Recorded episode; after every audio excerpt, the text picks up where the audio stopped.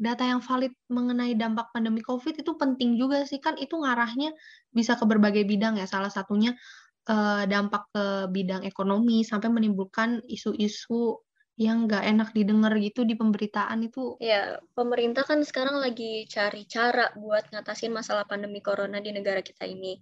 Supaya ekonomi berjalan lancar, pendidikan lancar, pariwisata lancar. Tapi masalahnya adalah masih adanya kebermunculan berita-berita hoax, hoax-hoax kayak ah, berita hoax. yang kayak vaksin katanya. Benar-benar.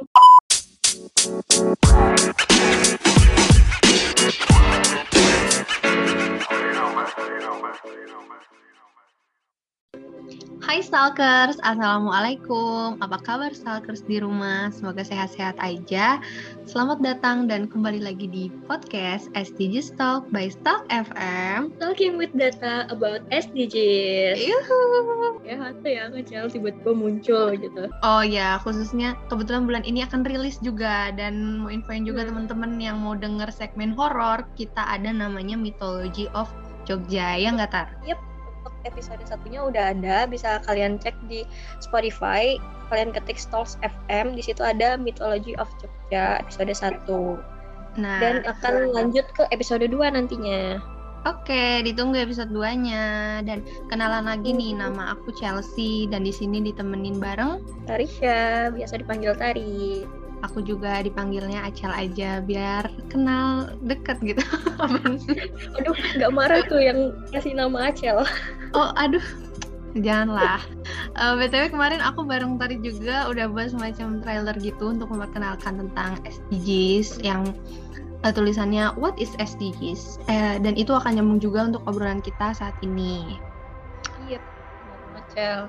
Bahasan kita kali ini tentang isu ekonomi yang mana kalau dalam 17 tujuan SDGs itu masuknya ke poin nomor 8, decent work and economic growth, yang artinya pekerjaan layak dan pertumbuhan ekonomi. Nah, alasannya kenapa kita bahas poin 8 dulu, karena kita sempat buka polling juga di official Instagram kita, yuk teman-teman follow namanya statistik.uii, dan hasil pemilihannya itu kita akan bahas tentang isu ekonomi. Iya, kayaknya karena emang lagi hot-hotnya ya isu ekonomi uh, ini. Iya hot banget. Kapan gak hot? Karena bahasannya itu tentang kebutuhan ya nggak kayak kebutuhan mm -hmm. kita sehari-hari gitu. Iya, benar banget. Ditambah lagi adanya masalah pandemi yang sekarang ini ikut membatasi pergerakan ekonomi kita, Cel. Mm -mm sih dibatasin ya kayak 3 Juli kemarin beritanya itu uh, teman-teman dengar kita uh, di batasin lagi dengan kebijakan PPKM darurat secara tiba-tiba. Makanya namanya darurat ya. Dan itu untuk wilayah Jawa Bali. Sedangkan kamu sekarang di mana, Tar? Aku lagi di Kalimantan, tepatnya di Samarinda dan kita di sini uh, sama aja kayak biasa, nggak ada PPKM darurat. Cuman hmm, kita ya pindah ke sana, boleh nggak? jangan jangan. Oh, Nanti jangan. Ada Oh iya, virusnya nyebar ya. Ada sabda Rasulullah juga sih untuk teman-teman yang pendengar stalkers juga. Kalau misalkan uh, gimana bunyinya? Tatari tau nggak? Oke, okay, kalau kita mendengar tentang wabah penyakit di suatu tempat, maka janganlah kalian memasukinya.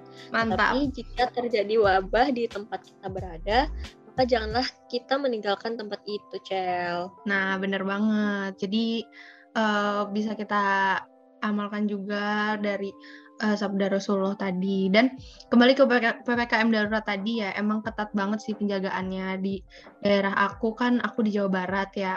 Dan jalan raya jalan raya yang menuju ke kota besar kebetulan rumahku di kabupaten itu kalau uh, sebelum malam itu udah ditutup gitu untuk dari berbagai uh, arah gitu ya dan lampu-lampu jalannya tuh sampai dimatiin karena memang wow. supaya nggak kelihatan eh supaya kelihatan jelas malah kalau ada masih ada kegiatan yang jalan gitu padahal kan udah sebenarnya ditutup dan tidak ada boleh ada kegiatan lagi di batas jam-jam tertentu gitu. Oh, terus kalau pas ppkm darurat gini, kamu masih bisa pesan antar makanan online gitu nggak, Cer? Uh, bisa aja sih ada waktu-waktunya gitu. Ya aku pengen ya kadang nggak bisa dipungkiri ya kita bosan juga pengen lagi pengen itu lagi BM ini BM itu. Tapi kalau aku nahan sih sekarang nahan dan bahasanya kayak ngejarangin karena soalnya keluarga aku juga sedikit parno beli makanan dari luar gitu. Tapi aku masih sih kadang iya benar ya dari berita-berita sekarang ini tuh juga virus corona udah mutasi dari yang varian awal dan sekarang udah ada yang namanya COVID-19 alpha, beta, del, delta. Iya kayak gamma. pelajaran kita kan tar. Iya. Promosi. gitu. Mutasi iya. matematika. Dan dikabarkan varian baru itu ini tuh uh, lebih cepat nularnya karena medianya tuh cuman udara aja, nggak kalau misalnya mungkin dulu lewat bersin gitu lah lewat cairan. Kalau sekarang uh, lewat, katanya lewat papasan aja itu udah bisa menularkan. Ngeri. Uh, banget sih. Papasan sama orang aja bener-bener berarti dis, apa ya social distancingnya harus dijalankan. Makanya ya ppkm darurat sih. Penting makanya penting ada ppkm darurat pembatasan yang dicetuskan oleh pemerintah. Kamu setuju nggak sih tar? Hmm, aku setuju sih. Cuman ya ada tentu ada dampaknya uh, positif dan negatifnya ya dari setiap kebijakan itu. Nah, poin-poin itu loh. Nah, kita kan masuk ke isu-isu ekonomi nih. Makanya hmm. ada dampak positif dan negatifnya itu mengarah ke awal tujuan SDGs. Benar nggak? Nah, jadi uh, kita akan bahas ke dampak-dampak uh, corona yang mengarah ke apa ya? Tujuan-tujuan SDGs itu gitu pastinya ya kalau masyarakat dibatasi pergerakannya kayak gini, entah yang usaha, dagang, penyedia layanan jasa, eh, apa ya kegiatannya tuh bakal nggak maksimal. Karena virus corona ini kan munculnya dari 2019 di Indonesia ya, jadi eh, sedih sih udah banyak isu-isu yang uh, kita baca dari tahun-tahun kemarin terkait dampak corona. Salah satunya yaitu isu perekonomian di Indonesia. Nah, tahun lalu juga disebutkan bahwa uh, Indonesia masuk dalam negara yang mengalami resesi. Selain itu, gara-gara corona, devisa pariwisata hilang sebesar 6 miliar US dollar dan ekonomi Indonesia minus sampai 5,35 persen. Sampai muncul juga cerita-cerita pilu dalam menghadapi pandemi, ada yang di PHK, penurunan pendapatan, dan buat yang usaha-usaha kayak gitu banyak juga yang tutup banget dari masalah-masalah yang tadi disebutin. Semenjak 12 bulan yang lalu, mesti diingat kalau permasalahan ini tuh bukan masalah yang sepele. Nggak bisa kita nggak peduli. Mungkin sebagai mahasiswa di sini bisa mengkritisi hal ini. Ya, karena uh, mungkin dari diri aku sendiri dan si Salkers yang dengar di sini ya, uh, kita dengan mematuhi aturan pemerintah itu kita lihat dan diambil nilai positifnya aja ya jangan sampai kita nggak peduli dan malah memperbanyak angka positif COVID-nya. Kalau misalnya kita nih nggak natin prokes kayak pemberlakuan pembatasan kegiatan masyarakat ini PKM, semua kebijakan yang udah dibuat sama pemerintah jadinya bakal sia-sia. Padahal nggak sedikit orang-orangnya yang berkorban untuk nggak jualan pendapatannya berkurang. Tapi karena ikut sia-sia. iya jadinya sia-sia gitu loh. Nah jadi uh, bisa jadi ya apa ya dampak negatif dari pandemi corona ini sebenarnya bisa berkurang gitu. Bahkan berhenti dengan dimulainya kita mematuhi aturan pemerintah. Karena uh, banyak juga yang gak menaati dan kalau misalkan dibalik deh banyak yang menaati maka nanti semakin cepat juga menuju ke dampak atau perubahan ekonomi yang berjalan kembali lagi jadi lebih baik kayak gitu. Hmm, iya jadi paling enggak kita nggak nambah daftar kasusnya kan kalau uh, kasusnya nambah tiap harinya, maka pemerintah bakal ngeluarin aturan yang lagi-lagi ngebatasin kita dan itu berdampak ke pertumbuhan ekonomi. Benar Jadi banget. mikir gimana kita makannya kalau nggak dapat uang. Mungkin stalker di sini ada yang berkecukupan, yang pekerjaan ada orang sih. tuanya sudah yeah. tetap, bahkan eh, nggak uh, terdampak sama pandemi corona. Nah, nah, kalau aku sendiri nih, alhamdulillahnya nggak terdampak sama sekali dalam hal pekerjaan orang tua uh, karena COVID-19 ini. Tapi hal itu bukan berarti aku yang termasuk orang yang nggak terdampak tadi itu bisa seenaknya nggak naatin prokes. Nah, dengar tuh. bener banget. Nah, kembali lagi kita di sini sama-sama sih harus sama-sama untuk kurangin uh, penambahan kasus perharinya kalau uh, biar kita nanti bisa sampai pada masa nol kasus per hari.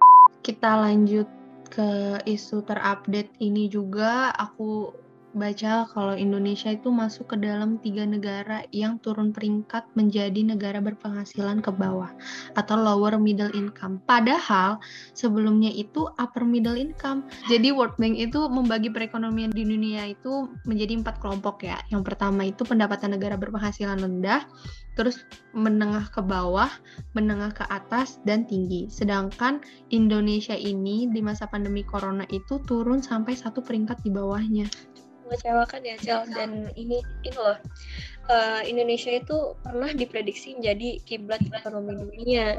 Mm-mm, itu yang sempat ada di berita-berita juga bahwa 2045 itu menjadi generasi emas, ya kan? Uh, ter- iya, tapi kok ini malah turun gitu. Iya, jadi mungkin saat itu prediksi ya. Prediksi saat itu memperkirakan kelahiran di tahun 2020 dan 2021 ini uh, meski dalam situasi pandemi dan bahkan malah situasi pandemi ini menjadikan uh, banyak bayi yang lahir sehingga di tahun 2045 ini akan masuk dalam usia yang produktif. Kayak gitu. Jadi mm. diprediksi banyak itu. yang apa ya uh, usia mudanya ya bonus demografi Indonesia yaitu jumlah penduduknya mencapai 70% usia produktif atau dari umur 15 sampai 64 tahun yang sisanya diprediksi 30% merupakan penduduk tidak produktif. Jadi uh, yang tidak produktif itu usia kurang dari 14 tahun sama lebih dari 64 tahun, lebih dari 65 tahun tuh. Uh, jadi bonus tadi demografi Indonesia lebih banyak yang usia produktif, lebih banyak yang bisa menghasilkan gitu. Bener banget. Nah, terhitung beberapa bulan kemarin juga pas corona sempat reda ya, pemerintah kan ngeluarin kebijakan tuh banyak. Ada PSBB, PPKM, uh, eh, new normal, sampai kembali namanya tuh PPKM darurat saat ini. Nah, fakta data yang menghitung angka TPT atau tingkat pengangguran terbuka ini mulai dari Februari 2020 sampai 2021 ini muncul nih. Dikategorikan menurut jenis kelamin dan daerah tempat tinggal dalam bentuk persen yang dikeluarkan oleh BPS menyebutkan bahwa pada Februari 2020 untuk rata-rata TPT yang TPT-nya sebesar 4,94 persen.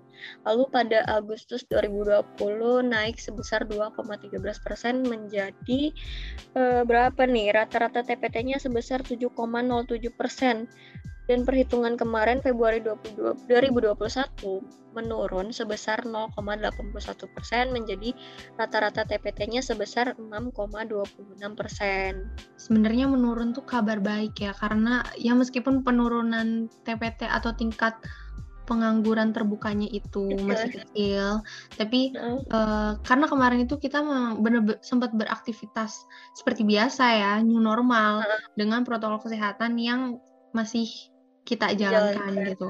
Ya harapannya nanti kan perhitungannya itu di Agustus 2001 2021 ke depan ini angka TPT-nya itu bisa turun lagi walaupun kita masih PPKM darurat tanggal 20 Juli ini sih. Semoga hasilnya tingkat pengangguran terbuka bisa turun lagi dan untuk eh, rata-rata TPT Februari kemarin itu masih dengan angka pengangguran tertinggi untuk yang daerah tempat tinggalnya di perkotaan dibandingkan di pedesaan. Hmm. Karena kasusnya meski dengan populasi yang banyak juga tingkat kesulitan mendapatkan pekerjaan ya uh, sulit gitu kak mungkin di perkotaan lebih sulit buat dapetin pekerjaan jadi sampai masih banyak yang nganggur gitu di, perkotaan. -hmm. oh sekarang, simpulan dari bahasan kita adalah sampai mana sih pencapaian tujuan SDGs di era pandemi ini? Sampai mana? Hmm, mana nih? Padahal kalau menurut yang aku baca, kemunculan wabah penyakit yang besar seperti ini uh, saat ini COVID-19 bukanlah yang pertama kali. Oh iya. Yeah. Jadi uh, jadi pernah ada juga tuh yang menjadi pandemi terbesar namanya Black Death dan flu Spanyol gitu Nah, semestinya bisa jadi pelajaran dan uh, jadi apa ya kita bisa ngambil tindakan-tindakan yang tepat seperti penanganan pandemi besar sebelumnya itu. Nah makanya sih kalau kalau dari yang kamu sampaikan tadi ya Tar, sebenarnya hmm. ada nih satu cara, salah satu caranya sih sebenarnya yang dilakukan uh. Untuk uh, bukan mengawali lagi ya, melanjutkan agenda SDGs ini apalagi sekarang tantangannya pandemi, adalah dengan menyediakan data-data yang komprehensif, bener nggak?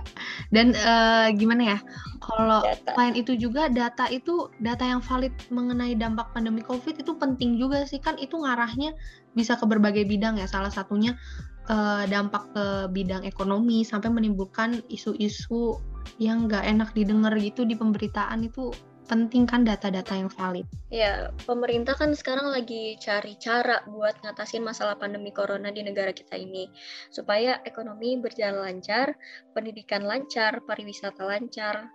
Masal uh, tapi masalahnya adalah masih adanya ber kebermunculan berita-berita hoax, hoax-hoax kayak berita hoax yang kayak vaksin katanya benar-benar vaksin tuh nggak baik, vaksin tuh banyak efek sampingnya gitu. Aduh. Itu bikin kita jadi mundur karena banyak orang yang iya. nggak mau divaksin. Gitu.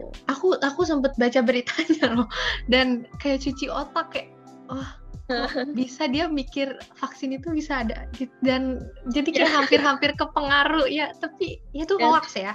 dan ya kata Chelsea tadi data yang komprehensif itu penting. Data yang nggak komprehensif data yang nggak valid itu bikin menghambat penurunan angka kasus covid di ah, Indonesia. iya, iya benar-benar dan uh, makanya perlu dan penting ya data-data valid yang digunakan oleh berita-berita untuk membantu hmm. pencapaian tujuan SDGs kembali lagi apalagi tantangannya adalah pandemi gitu benar tapi jujur ya Cal aku tuh gimana bingung. kenapa gitu kenapa ya misalnya tadi kita udah bahas soal TPT nih yeah. uh, tingkat pengangguran apa tuh terbuka TPT? terbuka tingkat iya. pengangguran yeah. terbuka yang meningkat pas masa pandemi. Yeah. Terus ya katanya nih kalau misalnya pengangguran tingkat pengangguran di negara itu tinggi bakal mempengaruhi ekonomi negaranya. Aku mm -hmm. bingungnya gini, kenapa ya misalnya ada orang nganggur nih, dia nggak bisa makan. Iya, lapar dia. Yang perlu repot gitu. Kenapa? Oh, dia yang nggak bisa makan. Kenapa sih? Aduh, aduh ngeri. ngeri ngeri nih pertanyaannya. Aduh, aku juga bingung jadinya. Gimana bahasnya ya? Iya bener ya. Hmm. Tapi uh, penting tari. Negara ini harus peduli. Kenapa? Karena uh, sepengetahuan aku ya, Indonesia tuh masih masuk dalam negara yang berkembang. Nah, ada negara hmm. berkembang, ada negara maju. Nah, negara-negara maju nih negara-negara yang besar nih Tarna. Diprediksi atau ciri-ciri negara yang besar itu adalah mereka yang memiliki angka kualitas hidup dan kesejahteraan rakyatnya yang tinggi. Jadi uh, masuk nggak sih kayak penting kalau Indonesia mau menjadi negara maju, mereka tuh harus mensejahterakan rakyatnya dulu, gitu nggak sih? Uh, iya, oke oke oke oke, make sense sih, Cal. Oh ya, nah ini aku nemu nih dari salah satu e-journal disebutkan dalam penelitian Hermanto Siregar dan Dwi Wahyuniarti 2008 mengatakan bahwa pertumbuhan ekonomi apabila kualitasnya kurang maka dapat diindikasikan dengan laju pengangguran yang masih relatif tinggi dan sulit atau lambat penurunannya. Jadi kayak uh, stagnan gitu si si jumlah penganggurannya nih masih banyak aja gitu rataan laju mm-hmm. pengangguran sepanjang periode 1999 sampai 2006 justru positif yaitu sebesar 0,56 persen dalam wow, per tahunnya. Ya. Sedangkan ini. dalam penelitian Alim 2007 dalam jurnal Ekonomi Nasional yang berjudul Analisis Faktor Penentu Pengangguran di Indonesia periode 1980 sampai 2007, hasil penelitiannya itu menyatakan bahwa laju pertumbuhan ekonomi, pengeluaran pemerintah berpengaruh signifikan terhadap tingkat pengangguran terbuka di Indonesia. Jadi benar banget kata Chelsea tadi kalau misalnya Indonesia mau negara jadi negara maju, berarti dia harus mensejahterakan masyarakat masyarakatnya. Iyalah, kan kita kita uh, masyarakat bayar pajak. Jadi negara kan Oh iya. negara uh, menikmati uang-uang itu harus berpikir mengeluarkan ide apa lagi nih agar rakyat-rakyatnya bisa makan, jangan sampai pengangguran. Segitu dulu deh kayaknya episode buat episode SDG Stalk kali ini.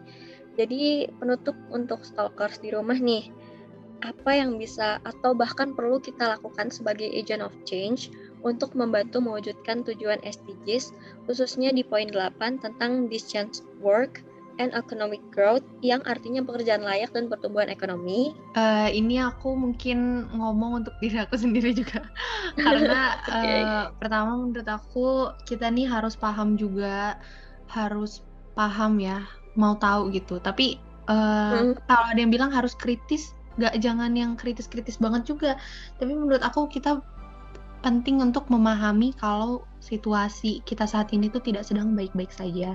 Jadi uh, kita tuh jangan yang malah memperkeruh dan menambah daftar kasus buruknya. Jadi yang aman aja deh gitu. Ya bisa juga kita manfaatin dan menempatkan diri kita sebagaimana agent of change.